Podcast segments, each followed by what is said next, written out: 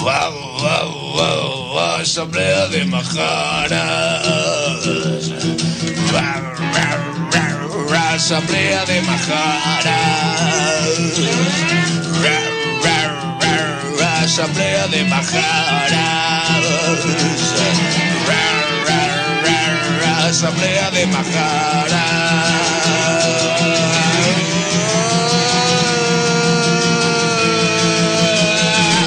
Asamblea de Majaras.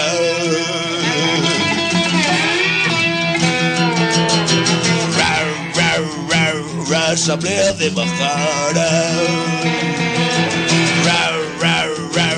Asamblea de Majaras.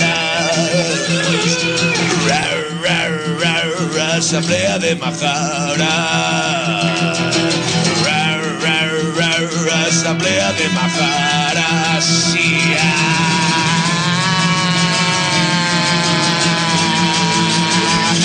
Sí. Asamblea de Majaras.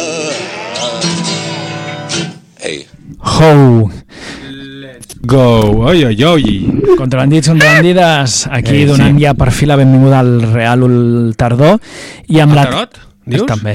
I amb la tardor arriba la, en la baraja del tarot arriba també la, el verdader rostre dels Majares amb aquest retard, 15 minutets doncs ho tingueu en compte, les que ens escolteu en directe avui diumenge 15 d'octubre Bueno, és que moltes vegades en les ajetreados fines de setmana que tenim costa una mica col·locar tot i, Sí. i venim de molts llocs lluny i anem fent... però sobretot el que estàvem més acabant d'assegurar tècnicament sí. que aquest programa s'enregistri, creuarem els Eh, dits del no peu del tot clar. i esperem que, que sigui així. Qui sabem que ens esteu escoltant en directe, sí que estareu podent gaudir d'aquest programa. Igualment farem que duri una hora i mitja. I de tot intentarem veure que d'alguna manera puguem gravar ni que sigui un tros del programa assegurar-nos amb un amb una alternativa, perquè nosaltres normalment tenim un, un ordinador que ens grava tota l'emissió. Però hi ha hagut certs missatges sempre una mica confusos, ja sabem que no contrabanda, No, confusos no. que sabem que diuen, ostres, el backup s'ha espatllat, però no sabem si és que s'ha espatllat el backup i ja no grava programes o què és, no ho sabem del tot. Bueno, en tot cas, benvinguts, sí. benvingudes a l'Assemblea Majares, el programa quinzenal que tota sogra voldria com a gendre, i aquesta emissora lliure, autogestionada i no comercial, que es diu Contraband FM, que precisament per aquesta realitat de, de fin, funcionar sense finançament públic ni, ni d'anuncis, pues, eh, roman en aquesta precarietat amb la que fa el que es pot en els seus ja quasi 33 anys d'existència. Recordem que ens podeu seguir per la FM de Barcelona, Ciutat i Rodalies, al 91.4, eh, tot i ha certes interferències que, que anem combatent com podem i des de qualsevol lloc del món, des de l'streaming, per streaming, des de la web www.contrabanda.org web on us podeu també informar de com funciona aquest, aquesta associació, aquest projecte, quins programes hi ha en la nostra parrilla, en la nostra graella setmanal, també de programes d'altres emissores que, que tenim i també de certes notícies i d'àudios especials que, que pengem. El darrer i molt, molt recomanable és el de la presentació del llibre Contra FM, una ràdio libre en un mundo poco libre, que el 29 de setembre pues, vam fer aquí a l'Ateneu Enciclopèdic i que qui no pogués estar pot recuperar des de la web. Bueno, doncs no ho hem dit perquè hem entrat així super empreses, urgències i esma perduts, però estem aquí al duet Mahara, tenim a Eduardo Manos Tijeras, Yeah, venim del Maresme Lliure Tropical, en Bueno, aquest dia que bé. tant de bo comenci a ploure una miqueta, perquè si no aquest país ja se'n va en el risc. algú ha plogut, però bueno, poc, no? Bueno, Aquí a la ciutat es veu que sí. del país i del, del territori, de tot, tot, Tot això en parlarem una miqueta sí. avui. I un servidor, Ernesto Chemajara, jo més aviat vinc del sud i, i bueno, pues aquí avui venia amb la samarreta corporativa Mahara, però bueno, ens la traiem i tot perquè dins del nostre estudi 1 doncs fa, fa calor, tot i que no ho sembli avui.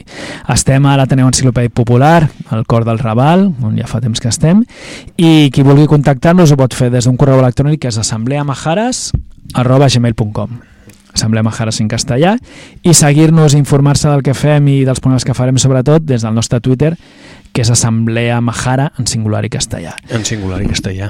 Vinga, va, posem una cançoneta eh, perquè ens acabi de situar i ens doni temps a entrevistar la nostra primera convidada telefònica d'avui perquè les dues entrevistes que farem, farem seran telefòniques.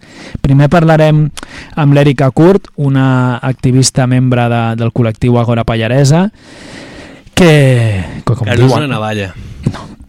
No és, Eh? no és la navalla al col·lectiu. Bueno, que ens expliqui, potser sí que és una, potser sí que és una arma, Fulla mortal.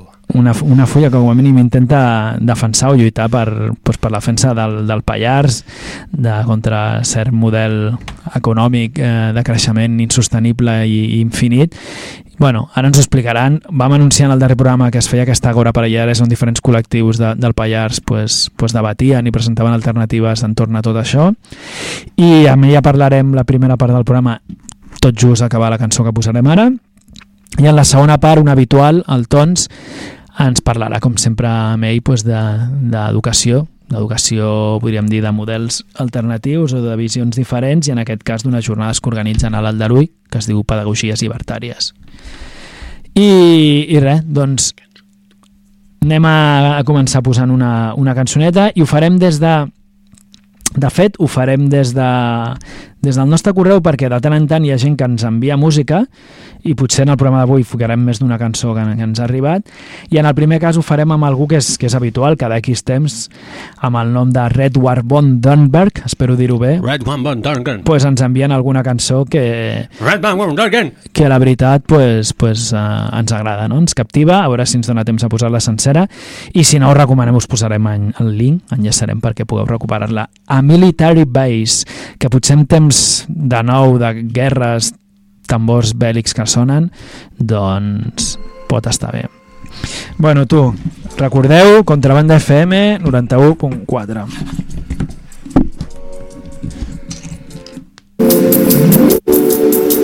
a military base.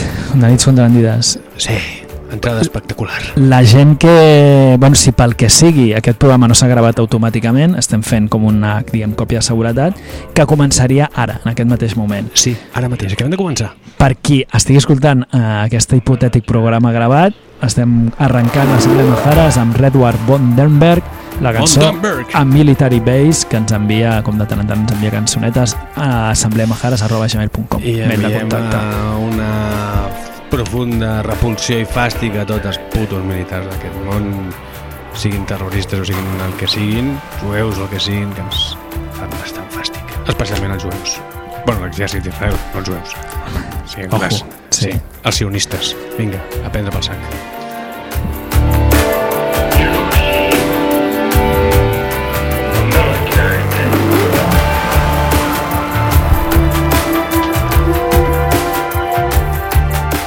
Ara, com anunciàvem, aquí estava en directe, farem una trucada, connectarem amb la primera entrevista d'avui amb l'Èrica Curt de l'Agora Pallaresa. A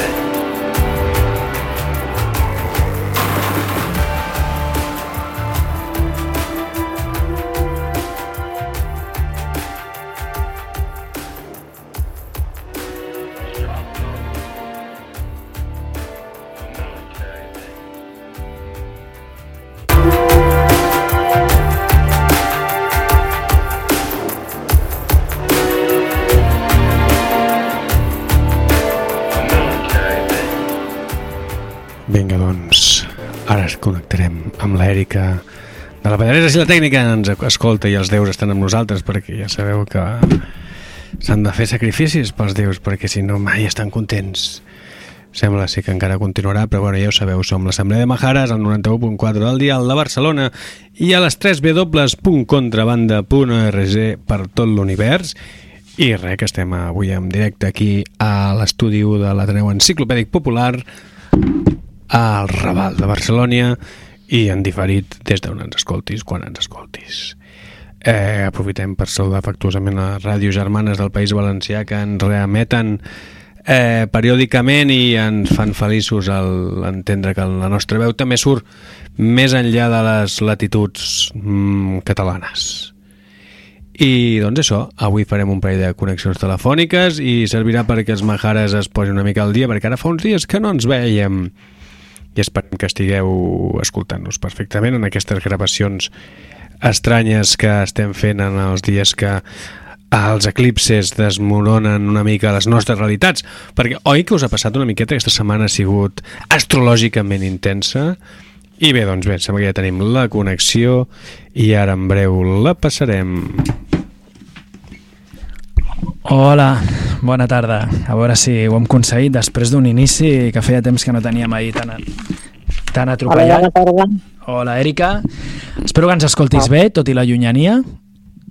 Sí, sembla que sí, de moment sí. Vale, perfecte, t'has estalviat, no, no, no has vist totes les filigranes que hem fet per poder arribar a aquest moment eh, i bueno, com hem introduït a l'inici del programa o per xarxes, en el programa d'avui, en la primera entrevista, com dèiem, volíem contactar amb algú de, del col·lectiu, o ara tu acabaràs de definir, l'Agora de Pallaresa, col·lectiu que, que entenem, o això ens pensam que, bueno, que intenteu presentar bueno, resistència o visibilitzar cert, eh, cert impacte que té aquest model de creixement insostenible o infinit en el Pallars en concret, com podria ser en molts altres punts del territori català o del món, i que ho feu amb, amb, amb accions pràctiques i també amb, amb una trobada de debat i de, de construir alternatives que vau fer darrerament, aquest mateix mes d'octubre, allà al Pallars, i, i a partir d'aquí doncs, teníem ganes que, tot i que les, la trobada, les jornades ja haguessin passat, doncs a Toro Passau també que igualment ens expliquessis fessis cinc cèntims de,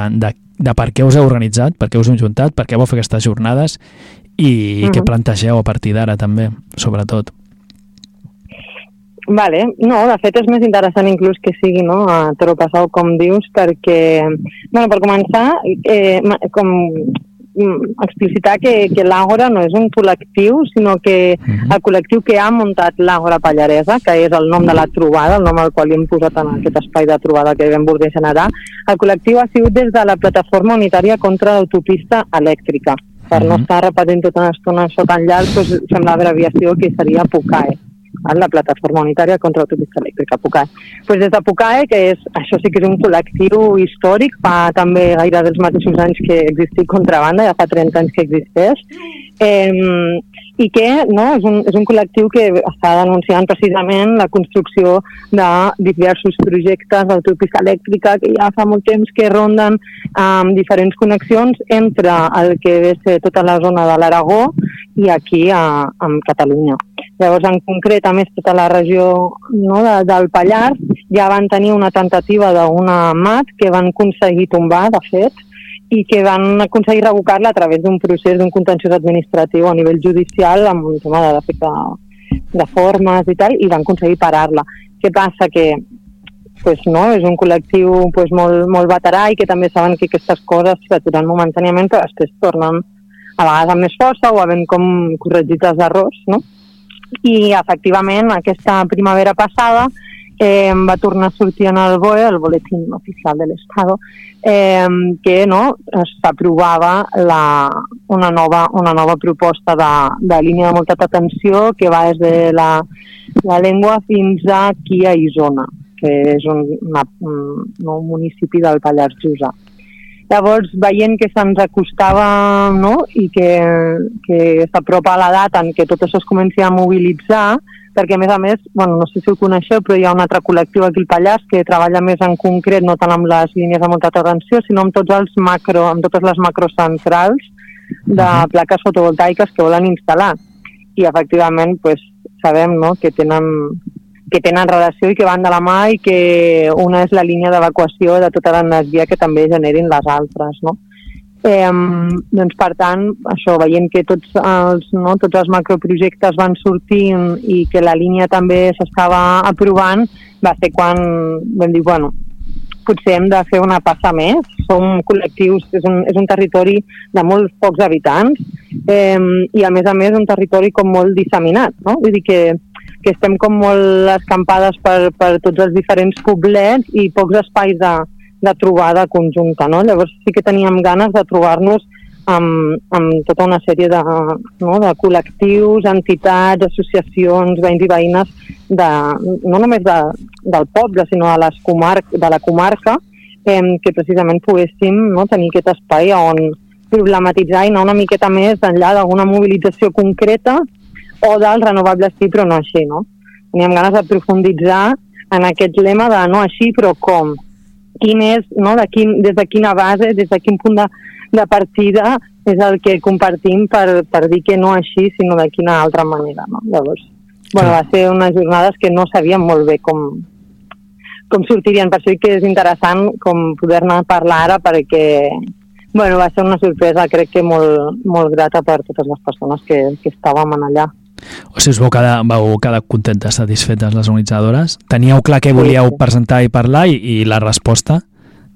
La resposta va ser bastant espectacular, o sigui, es van, es van com proposar no, unes jornades d'un dia i mig, tot el dissabte passat i el diumenge, mig diumenge, eh, i després acabàvem amb un dinar, però qui ja no, qui tenia ganes de marxar a dinar, pues, per ahí pues, estava bé, no? Però llavors vam estar gairebé 12 hores dissabte, en el qual vam dividir el dia en tres eixos temàtics, eh, que són com bastant els puntats, no?, sobre els Mhm. que hem basat el, les jornades i que eren el d'espoli, no? l'espoliar, l'extractivisme, un segon bloc amb, amb el tema del decreixement, no? No- una aposta cap al decreixement, pues, quines, quines són les, um, les possibles superacions del capitalisme, quines pràctiques i quines limitacions també podem topar-nos. I després a la tarda pues, tot un exemple d'experiències d'altres d'altres territoris que també han estat no? i que estan en defensa de, de les seves terres. Llavors, eh, aquest era com el bloc una mica més teòric de dissabte, al qual van arribar a passar, pues, no sé, unes 120 persones al llarg de tot el dia, i, mm, i després el diumenge, quan, no, per tot, aquesta va ser per mi una miqueta més la meva sorpresa, que després de totes les hores de dissabte ens tornéssim a trobar, però ja per, no, amb, amb la intenció de materialitzar una miqueta i concretar potser alguna, algunes línies d'actuació que si més no comencessin a treballar alguns grups més amplis, pues que ens vam tornar a trobar amb 50 persones a les 10 del matí allà, no? Llavors va ser com, uau, que, que potent, i a més a més, no només per el que també va començar a sortir els grups que van començar a treballar, sinó perquè és això, ja un dels principals objectius era trobar-nos i fer xarxa, no? Com posar una miqueta en comú totes aquestes persones i que estem aquí en, en aquest territori que creiem en un altre, en un altre model, no? Que no sigui el que ens estan venent com a únic i possible. Clar, entenc que d'alguna manera un dels objectius era visibilitzar, no? explicar què, estava, què està passant allà als Pallars, portar l'exemple d'altres lluites d'altres territoris que puguin haver-hi paral·lelismes i plantejant al alternatives per un cop eh, explicat, posat en comú tot això poder seguir avançant, no? Que ens deies al principi que et trobaves interessant fer aquesta entrevista també o donar-vos veu un cop fet a les jornades potser també ho entenem per, perquè també eh, teniu clar o almenys s'apunten eh, actuacions a partir d'ara, com deies, no? línies d'actuació que pugueu Sí. fer des de la plataforma. Doncs, sí, això també, que si vols ara hi entro, però també bàsicament per això, eh, per la sorpresa, perquè és el que que és un, un territori com molt peculiar, eh, que a vegades pot resultar una mica inhòspit, depèn de com, llavors no sabíem què, amb què ens anàvem a trobar, no? Si, sí que apuntava maneres i semblava que anava a ser com molt potent, però de cop i volta podia, podia ser un bluff i que no vingués com molta gent que potser esperàvem trobar-nos, no? I tot i que sempre, pues, eh, falten persones o col·lectius amb què potser comptaves, eh, per una altra banda pues, ens vam sorprendre amb la presència de molts altres i això és una valoració que només podíem fer a posteriori, no? Eh, I d'altra banda, doncs sí, també aprofitar com aquest espai com, no, de, la plataforma per poder anunciar en properes mobilitzacions. Aviam, mm, el que podem dir i volem dir Mhm. és que no estem disposades a que es construeixi ni la subestació d'aquí Figuerola, que estic mirant ara és el d'un turó, no? el poble on al costat volen construir la subestació on acaba la, la mat, eh, i, tot, i tot al voltant, que estaria ple de planques, o sigui que ara el que veuria seria un mar negre. Eh, doncs pues, el que sí que vam tenir clar és que volem posar les estratègies que facin falta sobre la taula per poder veure de quina manera aturem això, no? Llavors, bueno, van sortir diferents no, com propostes des d'un grup que treballava més amb, amb, amb xerrades i, no, i tota aquesta vessant més comunicativa i després d'altres amb manifestacions, no? ja siguin pues, caminades que ressegueixin tot el traçat o mobilitzacions concretes en algun dia assenyalat, bueno, tot això que està una miqueta encara, perquè es va començar com a treballar, no? però encara no està res concretat. Sí que tenim una propera convocatòria, una propera data en la que ens trobem i que a part és una data oberta per no, persones, si hi ha algú del Pallars que m'està escoltant. O que vulgui pujar. el, el 25, el 25 ara d'octubre, d'aquí dues setmanes, el dimecres a Trem, que és la capital, eh, en un local on ens trobem, si, si algú es contactés que té ganes de venir, ja em deriveu i, i explicaria la direcció, però Mm. mm. això, no?, com per seguir treballant precisament amb totes aquestes línies que es van obrir i, i veure també tot el, que, tot el que va avançant, perquè és un, un no parar d'informació. A més a més que és una informació molt difícil com de rastrejar i de poder com entendre, no?, aquest, aquest vocàbul així tan institucional amb el tema de les lleis, els BOEs, no? Tot el, tots els butlletins que també surten de la Generalitat, en els quals pues, has de ser allà superprim mirada i veure que de cop i volta acaben d'aprovar um, no, un informe d'impacte mediambiental d'un parc, eh, d'un parc no, d'una central eh, de plaques fotovoltaiques que volen fer prop del castell de Mur, que és un castell del segle XI que, que hi ha aquí com bastant emblemàtic i que tot el seu voltant, pues, no, que travessa rius, travessa zones protegides i la, han aprovat aquest, aquest informe, un informe que ningú esperava que acabés aprovant la Generalitat, no? però per una altra banda la notícia de la setmana passada era que el govern posarà, interposarà al·legacions amb l'estat espanyol per l'aprovació de la línia amb alta tensió, tal, tal. És com, bueno, no? com aquest, aquest doble joc, aquest joc de màscares que també es porten entre un govern central i el, i el català i tot, i tot el que en realitat eh, han de fer front, que és aquesta agenda 2030 que els està marcant i els hi apreta no? la, com a espada de Democles. Bueno, des, després sí que quan acabem l'entrevista també donem referències a, a, algunes entrevistes que al llarg dels anys i els cents hem, hem fet doncs, d'altres lluites en altres punts del territori català contra altres línies de molt alta tensió, com va ser el cas de, uh Mhm. a Terres de Girona, d'altra gent que també ha estat no, organitzant-se des de municipis petits afectats per, per parcs eòlics pues, que no, no han tingut present la- l'opinió de la gent d'allà i, ni, ni l'impacte en el territori però ara ja que ho deies, no, de que teniu aquesta propera convocatòria, qui, qui pugui estar interessat eh, i no us conegui o no tingui contacte directe, que una manera és, és anant directament, però no sé si, si vols dir alguna manera de saber el que feu, de contactar, si xarxes socials, sigui, no sé, un correu electrònic, Ah, sí, per qui bé, us correcte. conegui ara per primer cop. Eh, sí, per, mira, per l'Instagram eh, tenim l'Instagram que és arroba agorapallaresa, perquè no, és com és el que he dit a l'inici, no és un col·lectiu, però sí que ha sigut com aquest espai no, eh, constituent que, que s'ha generat i que veurem com s'acaba de com, com acaba continuant, per, com acaba continuant, quina, Bueno. Sí, com continua, no? sinó que si- sigui un espai on precisament potser conflueixen diferents col·lectius que per altra banda treballen amb altres coses però que convergeixen a, amb aquest punt d'unió i per veure de quina manera pues, fem front amb aquest, no? amb aquest tema en concret però això, l'Àgora Instagram, Àgora Pallaresa a l'Instagram i si no, a nivell de, del correu ja és fucae arroba gmail.com així tal com sona fucae arroba gmail.com Uh -huh. i també tenen de fa molts anys, que he dit, no? 30 anys de col·lectiu, un blogspot que, que és um, Stop Autopista Elèctrica, em penso. Bueno, és una manera Sí. també de veure pues, pues, tot el llegat d'aquesta lluita que, que no acaba de començar no? i que també pues, suposo que ajuda a, donar, tenir una perspectiva. A nivell més, com molt més recent de, del per què muntàveu aquestes jornades, aquesta hora de, de principis d'octubre, també recomanar una que l'hem retuitat, l'hem compartit també doncs, l'article que fèieu per, per la directa, molt recent, no? de, amb el títol d'això dels límits eh, sí, a veure si ho deia bé, bueno, que, que crec que l'havíeu en part també redactat vosaltres, límits de l'energia i del capitalisme, que és el que portàveu a debat allà en les jornades aquestes Sí, al Pallars. Jussà, no? També el recomanem. Sí. Doncs, Aquest article va ser molt potent perquè, a més a més, precisament s'enllaçava no, per començar amb, amb el mateix discurs que nosaltres volíem abordar en aquest espai col·lectiu i de trobada i, a més a més, perquè també donava altaveu a algunes d'altres protagonistes que després, efectivament, eren algunes de les ponents no, de, de les parts de les xerrades de, de la trobada. Molt bé, doncs convidem a la gent pues, que segueixi la pista, també nosaltres en la mesura que ens entenem compartirem convocatòries que feu, l'actualitat i qualsevol altra notícia. Molt bé. i agrair-te bueno, agrair-te la, la participació. Eh, diguem, tret- t'hem obligat quasi a buscar cobertura quan abans no, i en aquests horaris no? de diumenge al vespre i sí, segurament no? I deus estar ja ben en, en la foscor Potser tinc sí, però bueno, ara, ara baixo, ja, ara baixo del turó ja.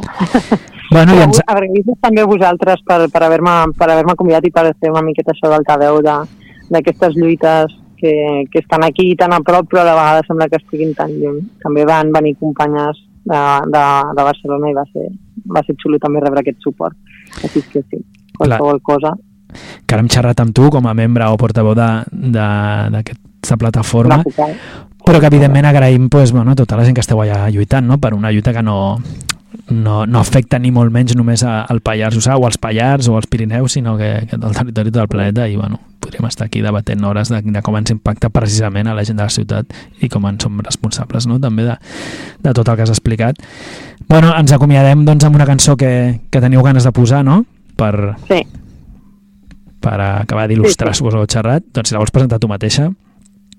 bueno, vaig compartir amb els meus companys de la Comissió Extensió que són companys que porten molts, molts anys eh, en la lluita i que jo els vull agrair també amb ells particularment en aquest espai com el seu compromís, que a mi em dona esperança i fe. I, mm, i la cançó és la de Riders on the Storm perquè precisament pues, seguirem conduint encara que sigui sota la que se'ns caigui.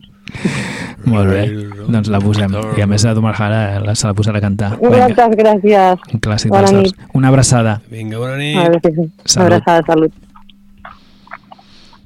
Vinga, doncs.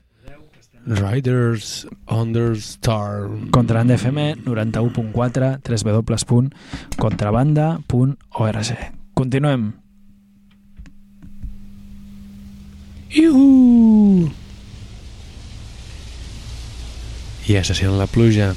Que plogui, que plogui! I que els llamps caiguin en les macroinfraestructures que es munten pel seu propi benefici.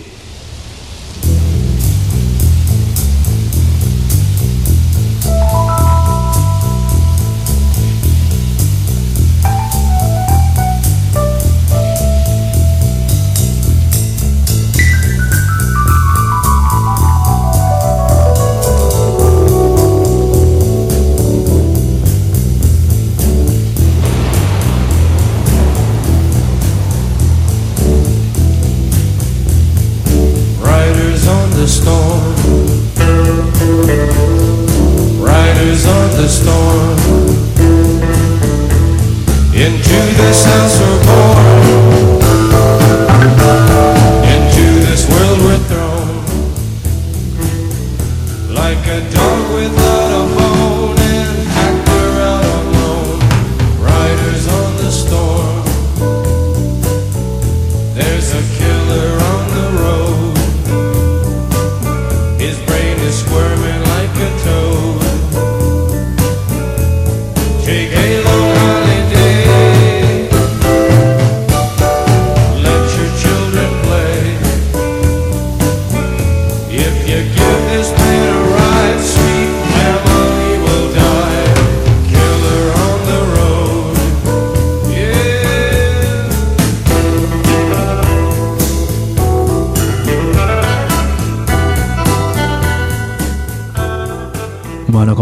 comentàvem a l'Èrica, qui agraïm de nou aquesta, aquesta trucada, no? que ens ha pogut explicar tota aquesta lluita que estan fent allà al Pallars, als Pallars, per recordar programes recents que han pogut tenir a veure i el més recent segurament, tot i que ja passa, ha passat un parell d'anys i mig, doncs un company també habitual, l'Aidà, de l'Associació Amics de Montblanquet, no fa tant ens explicava doncs, la, tota la lluita d'oposició que estan allà portant en aquell municipi contra la implantació d'autogeneradors que impactaven amb el territori i com s'estaven també enxarxant amb altres municipis de, de tot Catalunya en aquesta bueno, en, en posar una, demanar una transició energètica realment sostenible.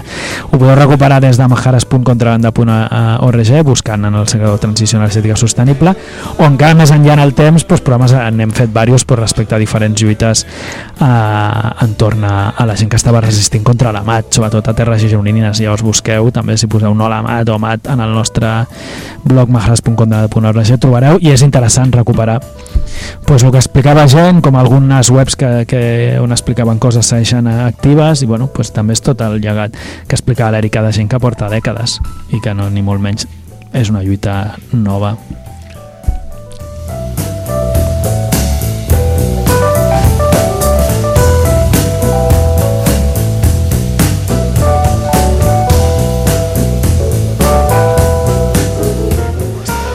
I nosaltres com a espècie aquests en els genets al mig de la tormenta, no? Perquè cada vegada es constata més que no hi ha volta de fulla, no? I que la solució passa única i exclusivament per decréixer, deixar de voler gastar tant. I està clar que els europeus pateixen perquè veuen com els combustibles fòssils cada vegada es posen més cars i cada vegada els hi posen més dificultats perquè els consumim i aquest dèficit energètic és el que volen que es compensi amb facilitats en què cedim el nostre territori perquè puguin posar extensions immenses de plaques solars que siguin fàcils d'instal·lar, clar no als taulats de les seves fàbriques o als taulats dels seus hotels de 5 estrelles o a les parets o el que sigui, sinó al territori, als camps, als llocs de fàcil accés, planets i tal, perquè els sigui molt còmode fer-ho, molt còmode. I aquells molins, no?, tan grossos, cada vegada més grossos, perquè així generen més, però clar, quin impacte tenen? Impacte visual, impacte destructor per la fauna, mils impactes, impactes al teu cap. I bé, doncs passarem ja a la següent trucada. En 3, 2, 1, entrem. Hola, bona tarda. Tenim la segona entrevista d'avui en aquest programa una mica accidentat i és un, bueno, un habitual, diguem, estem no sé, en família, però tenim aquí uh, un company, el Tons. Eh, hola, bona tarda. Ui, esperem que sí. Hola, Tons. Hola, em sents? Ara sí. Hola, bona tarda. Bueno, agrair-te també a tu pues, la, la intervenció en un diumenge de tarda, que a més amb el retard que portem avui. I, i res, per entrar al trapo, dir que avui la, la raó de, de poder xerrar amb el Tons en, aquesta ocasió és per una jornada sobre pedagogies llibertàries que organitzeu ja ara mateix, no? si no m'equivoco, ara ens ho explicaràs amb detall o amb les Sí. dades més pràctiques a, a la llibreria del Draruí de, de la Vila de Gràcia, però sabent que en principi no, són, són unes formacions, unes jornades, una formació més aviat un curs que ja està, ja està ple, sí que veiem o trobàvem interessant que igualment poguéssiu compartir quines les raons del per què fer-ho entorn a què es vol treballar o a què es dirigia i, i si això pot tenir una continuïtat, no? Sí, Segons també el resultat que tinguin. sí, sí, moltes gràcies primer de tot a vosaltres per poder parlar. A veure, aquestes, aquest curs, diguem, surt una mica també de la, bueno, de tota l'experiència de la pinya, que com sabeu doncs es va aquí, acabar eh, aquest curs passat no l'altre, però que vam treure un llibre per doncs, explicar l'experiència i per donar testimoni de tot el que havíem fet. Doncs, clar, durant tots aquests anys hem anat, per dir-ho així, coneixent i teixint aliances amb altra gent, amb gent que ens ha vingut a veure i a conèixer el que fèiem, hem debatut, reflexionat, no? i des d'una òptica llibertària com s'havia d'enfocar eh, l'educació a partir, per exemple, doncs, o comentant el que estàvem fent a, a la pinya. Llavors, bueno, el llibre que vam treure era una mica amb aquesta voluntat de d'això, de donar testimoni del que havíem fet tots aquests anys, però per anar una mica més enllà del llibre, doncs les ganes de seguir debatent sobre, re- eh, sobre educació des d'una perspectiva llibertària. No?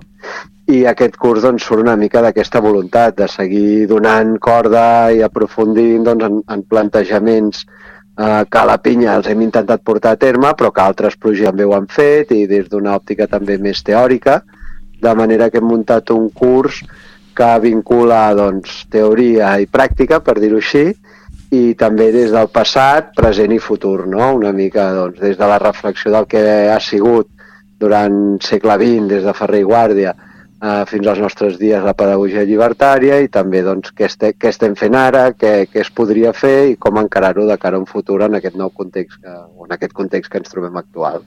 Home, est est- està bé, em sembla curiós, no havíem pensat que, que hi ha cert vincle amb el que ens explicava la companya abans en, el, en un altre àmbit de lluita, no? però l'Eric ens explicava també unes jornades que han organitzat amb una lògica de parlar també, o recuperar molt també tot el valor d'anys de, de lluita que estaven fent en aquell territori i de pas, Mhm. uh -huh. explicar què està passant en aquest moment i sobretot també què es podia fer a partir de, de, de llavors, no? com, com, Clar. com oferir alternatives i, i no només no, denunciar el que està passant. En aquest cas, no des de la denúncia, però entenc que des de també no només pues, compartir pues, els models de que al llarg de la història no s'han que no han començat ara, però que han, que han presentat opcions eh, llibertàries a, en, a, en la pedagogia també, com en tots els àmbits de la vida, veure també com en els temps d'avui en dia com es poden adaptar a, a, a, en un àmbit que, si, si on pot impactar ràpidament i de primera instància els canvis a, en els temps és, és en l'educació, no? I com fer-ho a partir d'ara, en, en sabent que, que seguirà canviant el món i, i cada cop més ràpid. Entenc que va per aquí, no? I, i llavors aquí, Sí. no, no sé, si ens vols donar també algunes pistes de... Sí, De tant, fins tant, com ho entro- plantegeu, entro en llavors? detall. Sí, no, a veure, primer, clar, dir que amb educació, com amb altres coses, però amb educació especialment, eh, res és nou en el sentit que són no, les qüestions centrals sobre educació, doncs les respostes van tornant i es passen èpoques, modes, en funció dels contextos que hi ha, etc etc. clar, la, el que és l'educació des de l'àmbit llibertari o vinculat al moviment llibertari, etc, doncs especialment a Catalunya ha portat moltíssimes eh, pràctiques i reflexions i autors i referències, etc que en major o mesura, mesura s'han anat incorporant no? en, el, en el que és el sistema educatiu, però clar, moltes d'altres no. Um, I sobretot doncs, que la pedagogia llibertària ha tingut aquesta capacitat de posar el dit a la nafra, per dir-ho així, qüestionar allò que es donava per fet i sempre tenint una reflexió sobre el que és el poder en l'àmbit educatiu doncs, al centre de la qüestió educativa, no? com abordem aquest tema, que en altres pedagogies, en altres formes d'entendre l'educació, això no es posa a debat, simplement es dona per fet, i aquí, aquí està un dels problemes. Llavors, com enfoquem doncs, aquesta reflexió? Uh, clar, per una banda, com que dèiem que això no hi ha res nou en educació, sinó que és un, un anar tornant sobre allò mateix, doncs ens semblava molt, molt important fer aquest repàs del passat per poder veure no, com s'havien afrontat els dilemes educatius eh, en diferents contextos anteriors i què ens poden aportar per avui. No? I veure que també hi ha tot una, una connexió amb més o menys intermitències, amb més o menys discontinuïtats, però que sí que hi ha una connexió des de finals del 19, principis del 20, fins avui, en termes educatius i des de la pedagogia llibertària. Què passa? Que durant molts anys, sobretot el franquisme, la memòria de Ferrer i Guàrdia, de les experiències durant la Segona República, del SENU, que és el, el, tot el reordenament educatiu que es va fer des d'una òptica llibertària de, de, del sistema educatiu a Catalunya, doncs tot això s'ha anat enterrant, oblidant, marginant, no? Llavors, recuperar tot això em sembla com un, una primera part del curs imprescindible per també entendre on estem avui, no? I per què estem aquí, i d'on venim, i quins referents podem recuperar, eh, què ens poden aportar, no? etc. Llavors, no només eh, parlem de Ferrer i Guàrdia, de Puig Elias, que va ser un deixeble seu i que després va ser el director del SENU, de l'experiència del SENU, sinó també dels anys 70 i l'intent de recuperar d'alguna manera totes aquelles experiències més polititzades i que d'alguna manera fan el contrapès a la renovació pedagògica eh, per dir-ho així, majoritària o mainstream que representa Rosa Sensat, etc i que hi va haver algunes experiències, com el moviment d'escoles en lluita, que també qüestionaven no, ser l'enfocament del que és la renovació pedagògica històrica.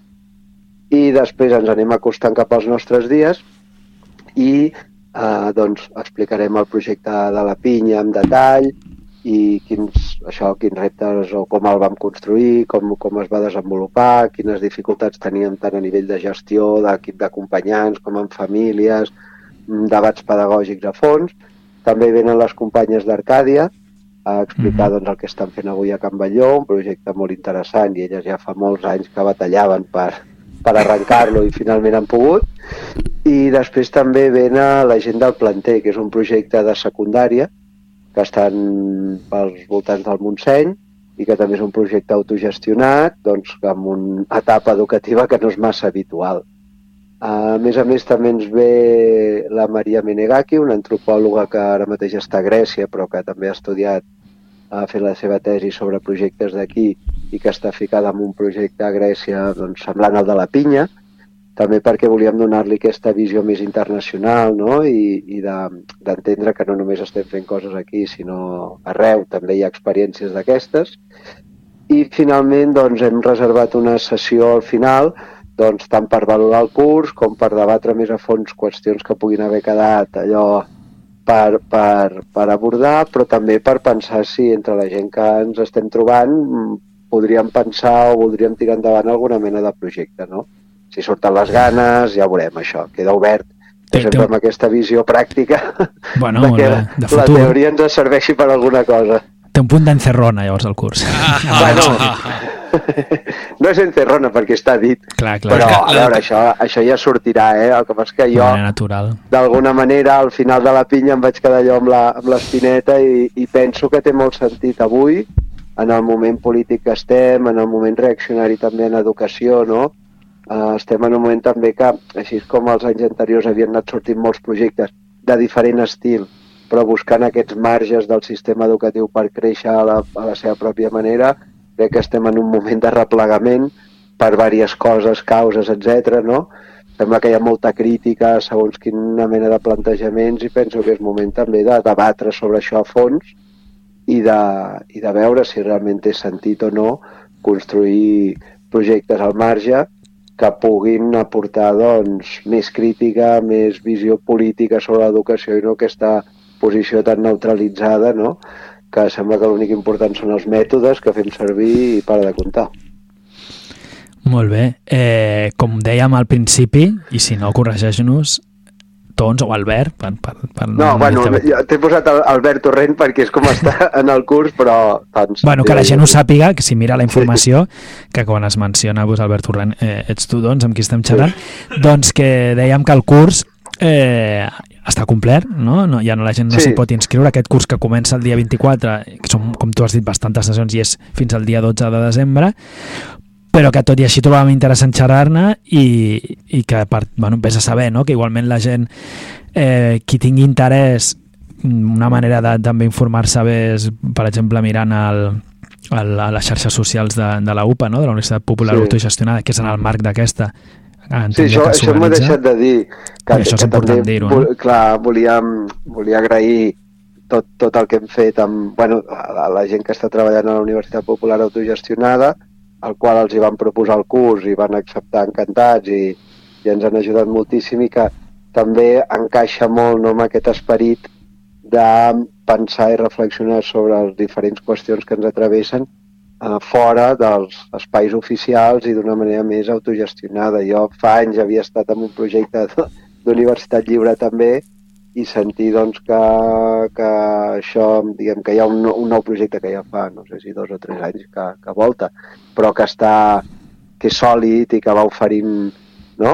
formacions i espais d'aprenentatge i de reflexió per mi era molt important també doncs, fer-ho en el marc de, de, de la universitat i, i realment penso que és bueno, que, que, que s'ha de seguir intentant. És molt difícil perquè ja sabem com funcionen aquestes coses, però també té molt potencial. Llavors, sí, i crec que s'ha trobat un, un equilibri a la UPA prou interessant no? d'anar oferint cursos a la vegada que es fan fora no? dels, dels espais diguem, convencionals acadèmics i doncs també era una manera de, de, de donar força i de potenciar un espai com aquest, evidentment. Llavors, sobre el que dèiem del curs, el fem a l'Aldarull per un tema de calendaris i també per eh, Afinitat, suposo. afinitat i, i que és un espai molt agradable que tenen allà. I el tema ha sigut que doncs, nosaltres vam pensar en un curs per ser 15 persones, també perquè el tamany, diguem, o el volum de gent sigui suficientment proper no? com per crear un, un- clima de formació però de conversa no? i de, de reflexió i d'un un grup que es pugui cohesionar i que no sigui una cosa massa anònima i hem tingut més demanda de, de les places que hi havia, bé. més. Llavors, Abans d'ampliar-ho i fer-ho més gros i, i, i perdre una mica l'esperit aquest que buscàvem, doncs hem dit, no, fem-lo amb, amb les places que teníem previstes i si hi ha més demanda, com sembla que hi ha, i podem omplir un altre curs, doncs a veure si a la primavera ho podem, podem repetir. Molt Hi ha un tema de dificultat de gestió perquè això ve la Maria de Grècia, la Valeria Giacomoni, que va fer una, un llibre sobre Puig Elias, que també ve d'Itàlia, llavors, bueno, són coses que s'han de, de coordinar, però jo crec que si el curs funciona bé i hi ha realment més demanda, doncs el tornarem a fer. Però bueno, pas a pas. No, a mi m'agradaria preguntar-te, doncs, no sé Sí. si em sents... Sí, sí, sí, et sento. Perfecte. No, de que si, per exemple, teniu un perfil de gent que s'ho ha apuntat, són mestres, profes, o són estudiants, o són gent que està en projectes alternatius, o escoletes... No sé si heu, si heu pogut processar o heu tingut interès per veure-ho... Inspectors d'ensenyament. Exacte. Quin perfil? Quin perfil?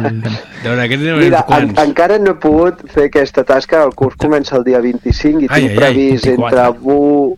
Sí, entre, uh, bueno, perdó, és el dimarts, aquest que ve, no l'altre. Mhm. I, I no he pogut encara acabar de, de, de contactar amb tots els inscrits, però sí que hi ha, hi ha gent que està ara mateix amb algun projecte, diguem, educatiu alternatiu, diguem així, altra gent que, que ha estudiat pedagogia, que està fent les seves feines por ahí, però que vol complementar diguem, la seva formació i ampliar no, la, la, perspectiva pedagògica, altra gent més des de l'àmbit militant, no, que estan doncs, fent suport tipus escoletes populars, etc i gent que té un interès més aviat bueno, teòric i, i, i que ve per, per, per una formació i que ja veurem on l'aplica. Però bueno, he d'acabar de contactar amb tots i que m'expliquin una mica les, les ganes i el, les expectatives que tenen per poder-ho ajustar en la mesura del possible I a saber quants, doncs, volen. quants i quantes són pares i mares, no? També.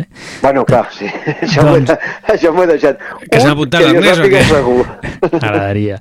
pues, uh, el que dèiem abans, que, que això es fa en el marc de, de, de la UPA, de la Universitat Popular Autogestionada, a part de seguir les per xarxes socials, recomanem que aneu a la web i, de fet, allà a upa.cat, si busqueu el curs de Pedagogia Llibertària, és on trobareu pues, informació no? de per qui, tot i no haver-se pogut apuntar, pues, tingui interès en escoltar això que, bueno, llegir una mica el que expliques i, i després, bueno, ja que has mencionat la, la Doroi, pues, dic que també, per qui no ho conegui, pues, aquesta llibreria llibertària porta molts anys i de fa, fa uns quants anys ja des de la nova ubicació del carrer Torrent de l'Olla 72 a Vilagràcia aquí també podeu seguir i qui està, està bé que ho diguem perquè gràcies a que pugui, bueno, segueixi, no? sobrevisqui, segueixi activa, doncs pot acollir iniciatives com la que com la que estàs dient que són tan coherents també amb, tenem amb el, els objectius de, de, de l'Aldarull, no? de, de fer Aldarull, vamos, d'alborotar, No, no, jo, lògica jo estic llibertària. encantat. La- L'altre dia vam anar allà a veure l'espai i tal, bueno, ja el coneixia, però una mica pensant, i clar, jo tot gent molt militant, que ja posa hores, diguem, a tope, i Molt que puguem fer el curs no? allà, doncs és, és, és una, una molt bona notícia també. Així és que, que jo, i, i diria que la gent interessada, encara que no hi hagi places, escrigui a l'Aldarull, allà, perdó, a la UPA, perquè si es veu que hi ha interès, doncs això, tornarem a, a, a intentar organitzar-lo per la primavera. Molt Però bueno, això com dèiem, pas a pas, i anirem fent. I un altre paral·lelisme, mira, amb l'entrevista d'abans amb l'Èrica, doncs que creiem que també complementa molt el que ens has explicat, potser algun article recent a, a la directa, no? Mencionaves que tu també vens de... I, i de fet així has intervingut i participat en programes anteriors des de l'experiència molt activa de molts anys, per exemple, de, amb la pinya, no? escola autogestionada, com n'hi ha hagut altres, no? I aquesta tradició Sí. també a Catalunya i noves que, que puguin anar sortint. I entorn a això, doncs, una, una companya comú, no? i segurament doncs, en i juntament amb tu, la Cristel Keller, i, Sí. i tu vau escrit un article recent a la directa que, que porta per títol Escoles autogestionades reapropiar-se del fet educatiu, que linkaem aquí en el, en el post de, del nostre podcast, i que entenc que, bueno, pues que ajuda no, a, en aquest àmbit concret, que només és un segurament del, dels exemples que treballeu en el curs, pues, ampliar informació i debatre, no? generar opinió entorn a això per Mm. certes, pues, com tu deies, pues, eh, opinions o, bueno, o, o diferents eh, posicionaments que hi ha respecte a aquests projectes educatius no, els darrers temps. Sí, sí, sí, Llavors perquè bueno, també hi ha hagut crítiques i jo hi ha bona part de les crítiques que les entenc, uh, però també hi ha un, penso que a vegades han sigut una mica parcials, no? I que com que estem en un moment, jo diria, reaccionari en general, llavors, uh, en aquest sentit, doncs, tot el que són autogestió, l'alternatiu, el tal, a vegades s'interpreta d'una manera amb la qual jo no estic 100% d'acord i crec que s'ha de matisar bastant eh, quan fem aquesta mena de crítiques perquè, bueno, perquè, perquè no, tot, no tot allò que es pot etiquetar sota un mateix fenomen és, és el mateix, no?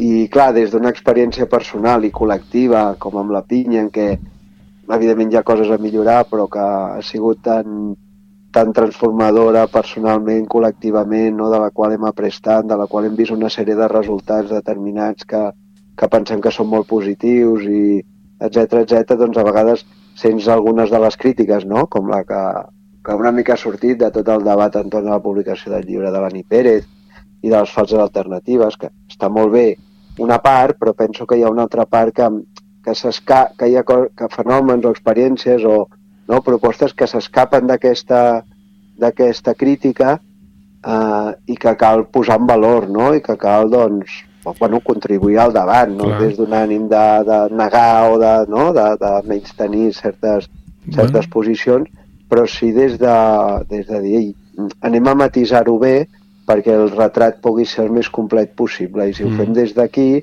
segurament trobarem mm, elements comuns eh, des de posicions que no han de ser blancs o negres, no? sinó que poden ser molt complementàries i que poden enriquir tant espais o, o es- l'escola pública eh, i des d'una òptica llibertària la gent que aposta per una escola pública i què fer des de dins de l'escola pública, que d'escoles públiques també n'hi ha de tota mena, per tant tampoc podem posar-les en un mateix sac. Clar. I llibertaris a l'educació pública. autogestionats. Perdó? I llibertaris a l'educació pública. Penya del, Exacte. del rotllo que fa de profes, uns quants. Clar, clar, n'està ple per això, per, bueno, ple, no sé si estigués ple, no sé, Bueno, potser no seria una, una altra Però, cosa, però em refereixo que no es tracta de negar aquestes opcions ni de... perquè, a més, el que representen molts cops les escoles autogestionades és, és a nivell quantitatiu és tan poc que segons quina mena de crítica a mi em sembla que, que, que, que es viaixa una mica al, al tret, no?, on està la cosa. Llavors, bueno, eh, ja ho veiem que costa tot i que estem en un moment molt complicat políticament, socialment, etc. I no dic que no s'hagin de fer les crítiques a allò que no em sembla correcte o apropiat, però penso que és important el matís i, bueno, doncs el fet de jo personalment haver viscut una experiència com és la pinya de tants anys, etc, m'ha donat també una, una perspectiva o un- una visió sobre aquesta qüestió que crec que és important també aportar-la i precisament amb la Cristel, que ens hem anat trobant en alguns espais, no? i ella també ho veia, doncs vam dir, fem un article que, que pugui també fer aquest contrapès i, i, i que faci el debat més ric i que no es quedi només amb algunes diguem, opinions o reflexions o posicions que no representen moltes vegades el conjunt del moviment llibertari o algunes posicions del moviment llibertari que seguim pensant que l'autogestió no pot ser, pot ser una bona via en els temps que corren. Bueno, doncs mira, hem avançat potser alguna de les lectures del curs, no? no bueno, En- no, no, no, no havia pensat en posar aquest article, però mira, potser sí. Bueno, doncs, doncs moltes gràcies eh, per temps sempre. estat en horari no lectiu i, i posarem una cançó que, que, ens, que ens demanaves que punxar, que mira, ver- els Majares en, en són fans també d'aquest mestre, mai millor dit, de, de la cançó i de moltes altres coses, i si la vols presentar tu mateix, segur que té una raó de ser. Sí, bueno, és el, el, la cançó de l'Albert Pla del Somiar Truites, de l'escola del Montseny, Mhm. on hi ha nens i nenes que somien amb truites, bàsicament perquè penso que si una cosa porta la pedagogia llibertària o el pensament llibertari en educació és que podem pensar una escola molt millor, no? O, o un espai educatiu o un entorn o contextos d'aprenentatge molt millors dels que tenim i seguir somiant-hi és l'única manera que ens, que ens pot permetre construir-los, no? Llavors, no renunciem a això, encara que moltes vegades doncs, el que voldríem no passa o sigui una mica frustrant, però no renunciem a seguir somiant-hi. I tant, que bé. Doncs moltes gràcies, que vagi molt bé el curs i, Molt bé. i bueno, pues a seguir dando, donant la vara, tu. Vinga, I, Somiar vosa, I vosaltres també, També, amb que- això. que també som Vosaltres somiatruites. aguanteu aquí la resistència, molt bé. Bueno, A veure. ¿Para cuándo un programa de pedagogía libertaria en contrabanda? O si grabeu les sessions, podeu fer un podcast, eh? Ah, mira. Bueno, sí, sí... N'havíem Ja que teniu- pensat, ja eh, que amb, teniu el- amb el. Tito Marc moltes vegades, però, bueno, si voleu que passat el curs o, no sé, puguem parlar i... Mm. Eh, Bueno, valorem una miqueta, no clar, sé, parlem-ne. El que sí que, gra obert. que enregistreu, aquí li donem veu segur, ja conspirarem. Molt bé, Doncs una abraçada. molt bé, igualment per tots. Salut. Apa, que vagi bé. Vinga, doncs, a truites. Eh que sí? Sou mía,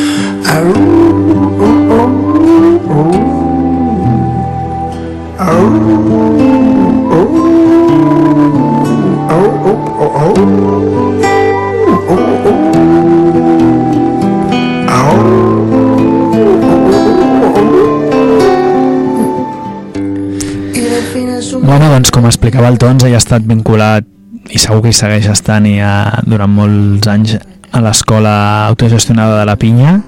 Estava a Cal Suís i que nosaltres pues, li hem donat veu en- per diferents excuses al llarg dels anys dels Majares si voleu també podeu recuperar. Pues, el programa on ho heu explicat més una vegada quan va fer el llibre o en altres moments que van venir fins i tot presencialment a explicar una mica d'aquesta iniciativa ja veterana i que, eh, pues, que ara de moment s'ha aturat i també podeu escoltar o buscar pues, entrevistes a altra gent que explica des de l'experiència concreta de projectes educatius amb aquesta idea, potser no anomenant-se llibertaris, però que, que podien anar des d'una visió pues, més autogestionada o, o diferent, no? amb les famílies també com més protagonistes, com és el cas de, de, de, de Set Estrelles. I potser des d'una altra òptica, però també no, no tan recentment la, l'escola d'aigua que, que vam tenir del Guinardó fa poc aquí, que també és una experiència poc usual de secundària amb un projecte educatiu diferent.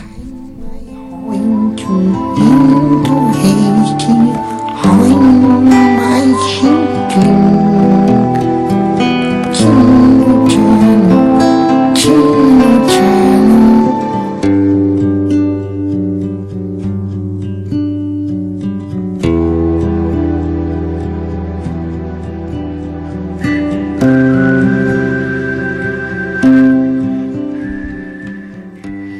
Bé, doncs... Esperant que aquest programa es pugui sentir des del seu inici i anem entrant llavors als moments finals i us aprofitarem per anunciar doncs, algunes cosetes d'agenda sí. que es van coent a foc lent allà on anem, perquè està clar que hi ha tanta saturació de coses que passen que bueno, ja sabeu que aquí fem una mica de selecció de lo que ens arriba a nosaltres o al que li podem parar una miqueta d'atenció. Però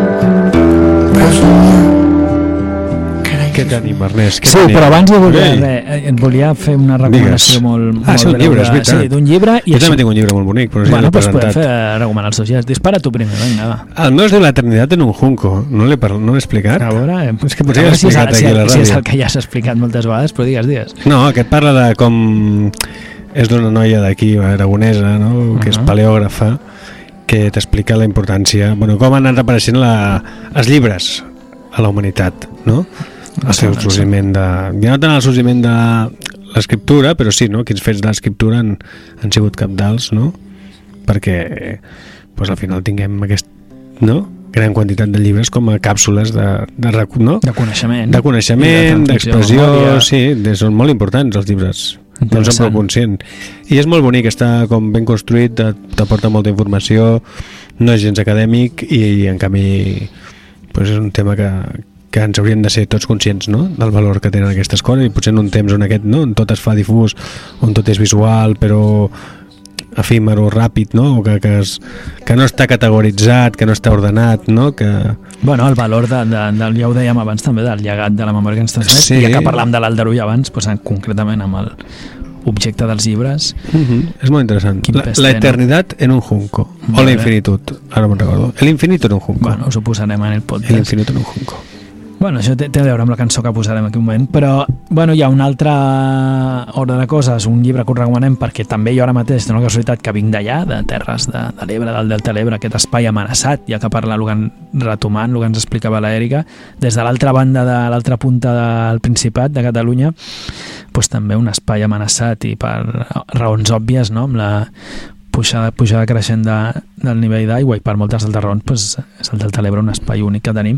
Doncs hi vaig llegir aquest estiu un llibre sense saber que hi aniria que hi vaig habitualment, és un lloc que m'agrada però feia temps que no hi anava, un llibre que recomanem tot i aparentment no tenir doncs, mm, components o ingredients diguem polítics però que sí que és interessant per veure doncs, el, el, el, també com es va transmetent pues, això precisament, no? el pas de, de certs coneixements, de certes injustícies, el pas també de a les cicatrius que deixen pobles, en famílies, pues, des de les des desigualtats socials heredades i perpetuades generació de generació, el pes, evidentment, de la Guerra Civil i com va separar, i potser en espais rurals pues, va tenir un pes diferent al que podia tenir a, a les ciutats. Llavors, tot això, i molt important també el, el com el, ho pot viure i combatre i donar-li la volta una dona en terra o en, o en oficis habitualment, tradicionalment d'homes, és el que explica en part basat en certa, en una mica en històries reals, la Helena Moya, un llibre que es diu L'altra orilla, que passa allà i també parla de llocs molt concrets i reals, com és l'illa de Buda, com és l'illa de Gràcia d'allà de, del Delta de l'Ebre, i us el recomano especialment. Llavors, doncs, per una miqueta d'il·lustració i també eh, coses bueno, doncs, que explicava present l'Edu, anem a escoltar una banda que és no és d'allà al Delta de l'Ebre, però sí que és de Terres de l'Ebre, de, de, de tot aquest espai fronterer, que les fronteres són totalment relatives, que hi ha entre, entre el nord de Castelló i, i, i les terres de, de l'Ebre de la banda catalana, que es diu Solc, que ens ha compartit ahir un company perquè amb una cançó molt bonica que es diu Els marges de l'oblit. Oh, Des d'un un disc que acaben de treure que es diu Nus i amb un videoclip que us recomanem veure. Vinga.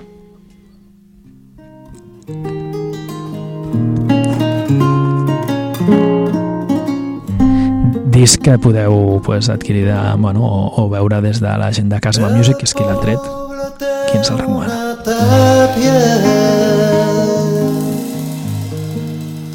Una sendera, un calciner tot un seguit d'escales van serpejant a un riuet. Fa molts anys l'aigua baixava enrogida de llumers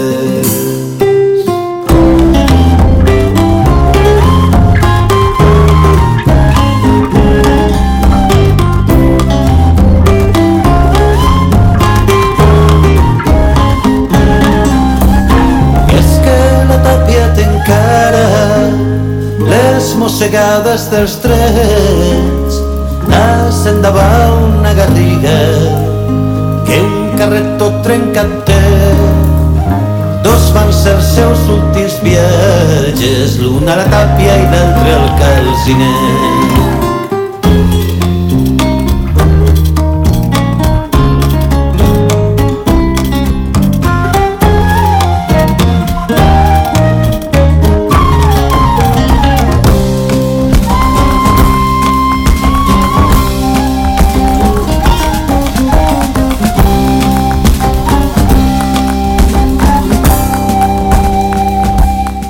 Bueno, primer de tot, que estem parlant de, de llibres i, i de eh, cultura o coneixement llibertari, important dir que, que avui, de fet, hi havia la, la Fira del Llibre Anarquista eh, de Catalunya o de Barcelona i s'ha posposat, només tingueu present per, Problemes amb la... per la Potser? pluja i aquesta, Potser sí, no? aquesta trobada del llibre anarquista doncs, es posposa, estigueu al loro i segur que trobaran una data. I ja que parlem també doncs, d'això, de llibres, de cultura llibertària, dic que el 28 d'octubre ha el 36è aniversari parlàvem d'aniversaris llargs, doncs el 36è aniversari del local. Si hi ha un col·lectiu veterà a Barcelona... Hi ha Poncarrada o doncs, no? i bueno, serà allà a la Gora Juan Andrés i de moment, bueno, almenys el que sabem és que hi haurà un vermut dinar i després hi haurà debats, tot això des de les 12 al migdia i amb el títol el debat distribuir les veus, acollir la paraula i com hackejar el patriarcat a càrrec de Guiomar Rovira, Bego i Marta del local i segurament doncs, després hi haurà potser alguna altra convocatòria més musical que quan s'acosti el dia ja ho direm. Hem de dir, i ara també això també sortirà segurament amb les convocatòries que dirà Domènec Tijeras, que hi ha un, un programa, un àudio on es recull les activitats de l'atenció bipolar i també d'altres col·lectius afins al Raval. I això segurament sortirà. El poble Bé, doncs sí, jo us vinc a anunciar el cinefòrum habitual que tenim aquí a l'Ateneu Enciclopèdic Popular, com cada dimarts, en aquest cas el dimarts dia 17, eh, doncs a la sala, meravellosa sala d'actes Margarita Xirgu, que tenim aquí a l'Ateneu, doncs passarem la pel·lícula de La vida immoral de la pareja ideal. Eh? Entre emotiva i visceral evoca los sentimientos del primer amor i del pas del temps. A tres quarts de set.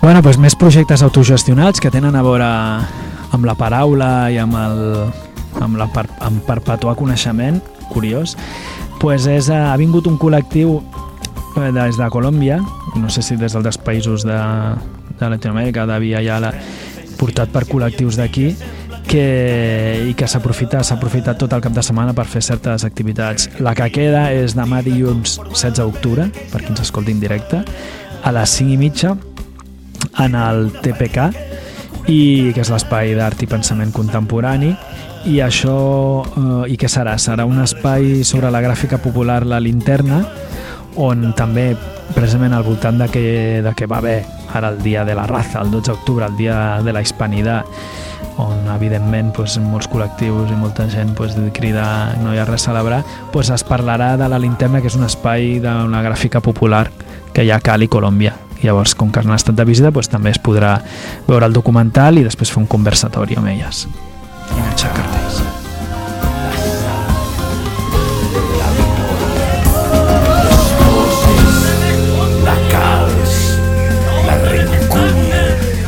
la calç, la sang, els marges, les fosses, les fosses, la memòria, l'oblit. Bueno, doncs aquest era el grup de Clot, no? Com es diu que es deien? Perdona. Solc. Solc, Solc. això, Clot, Solc, més o menys semblant, no? Bueno, más o menos. mi- Mig encertat. Bueno, i coses més, més, coses més festives que s'estan fent. El dissabte 21 d'octubre, un espai que li tenim carinyo, que és Can Batlló, hi haurà a Quiridia un sound system festival amb doncs, vària música, ja fiquen musiqueta des de les 12 fins a les 2 de la matinada i serà una, una activitat doncs, benèfica i, i gratuïta a l'hora lliure, supos, doncs, per col·lectius també. var, varios. No?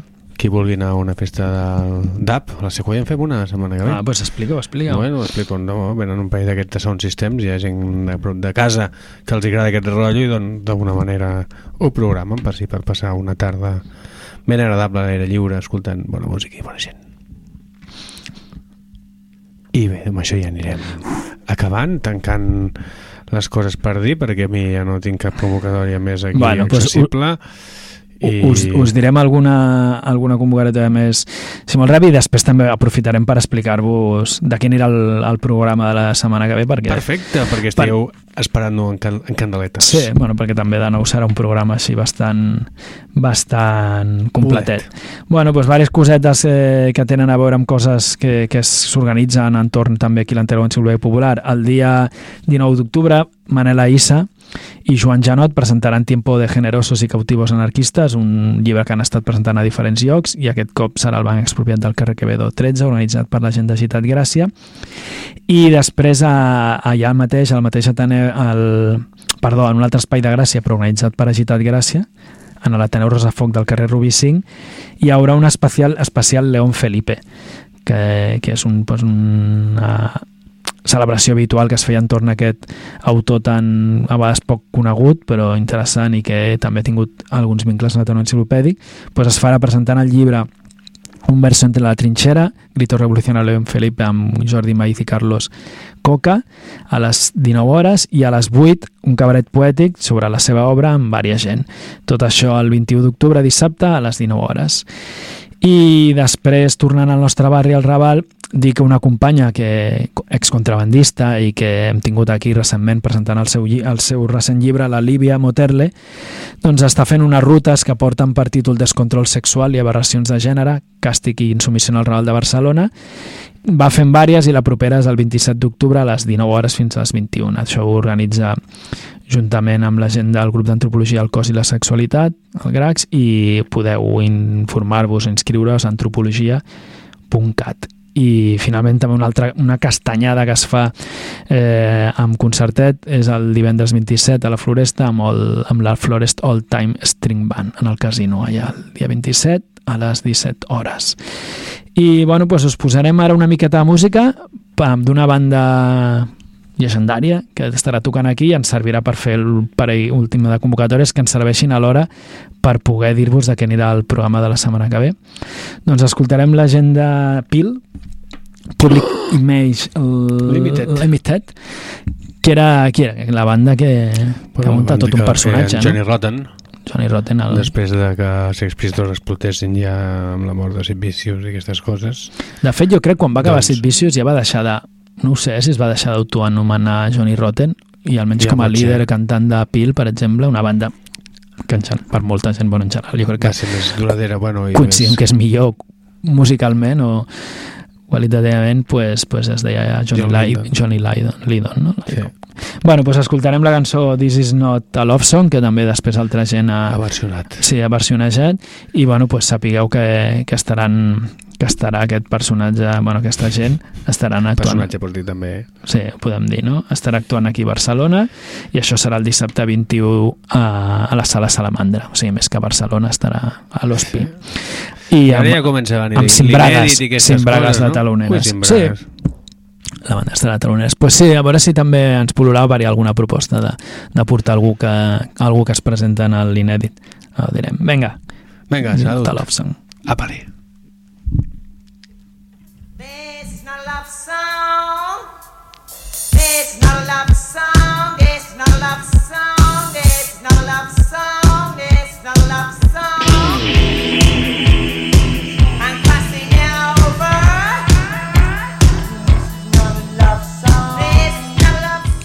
Bueno, ja que parlem escoltem punk o afterpunk, també una veterana habitual que de fet va conèixer el Sid Vicious, la nostra estimada, estimable Sílvia Último Resorte. Resorte, estarà eh, actuant amb la seva banda Algo Tóxico juntament amb Nuclear Tordera i Cinta Aislante a l'associació musical La Urraca, l'antic Puerto Urraco mític del carrer Vidal i Valenciano 2 al Poble Nou, el 28 d'octubre al vespre a les 10 de la nit. Més que recomanable, evento.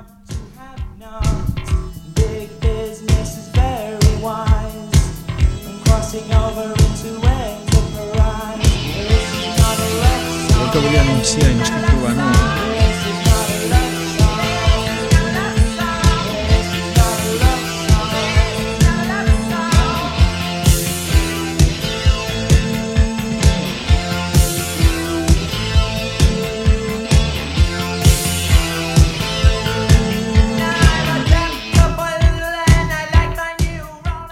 Vale, doncs l'última cosa que us vol anunciar perquè enllaça amb el, un dels temes que tractarem al proper programa és una xerrada, un taller que es diu Capacitismo, Salut i Ecologia que això s'organitza a Calcases el 14 i 15 d'octubre ho facilita la Maria Rosendo i busqueu qui estigui interessat en, en El 14 apuntar-s'hi i 15 d'octubre ja s'ha passat, Ernest. Ai, sí, ostres, està acabant avui. Vale.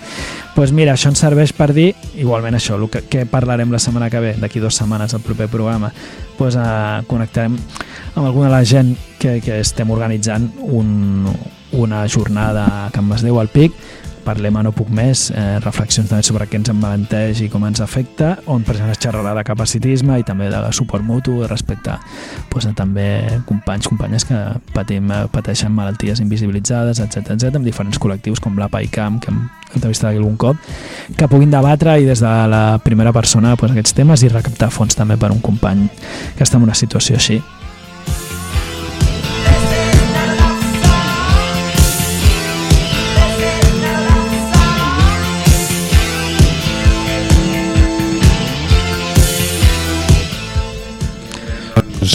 Ens escoltem per les zones de contrabanda FM i qualsevol altre mitjà alternatiu no comercial i amb ganes de donar veu a les sense veus i, i bé. I, i bé, també dir-vos que el, també tornarem per fi portant música en directe vindrà, en principi estarà la gent de les Atzucac Atzucac? Atzucac, perdó amb la, portant aquí la seva música en directe cosa que encara no havíem fet aquest curs no? Per tant, apunteu-vos un programa completito el proper, en principi, 29 d'octubre, diumenge. Seguiu-nos per xarxa si voleu estar a l'oro. I recordeu, eh, podeu recuperar o escoltar tot això a majares.contrabanda.org. Yeah! L'assemblea De Majaras, se va ¿por dónde? Avenida Lapsang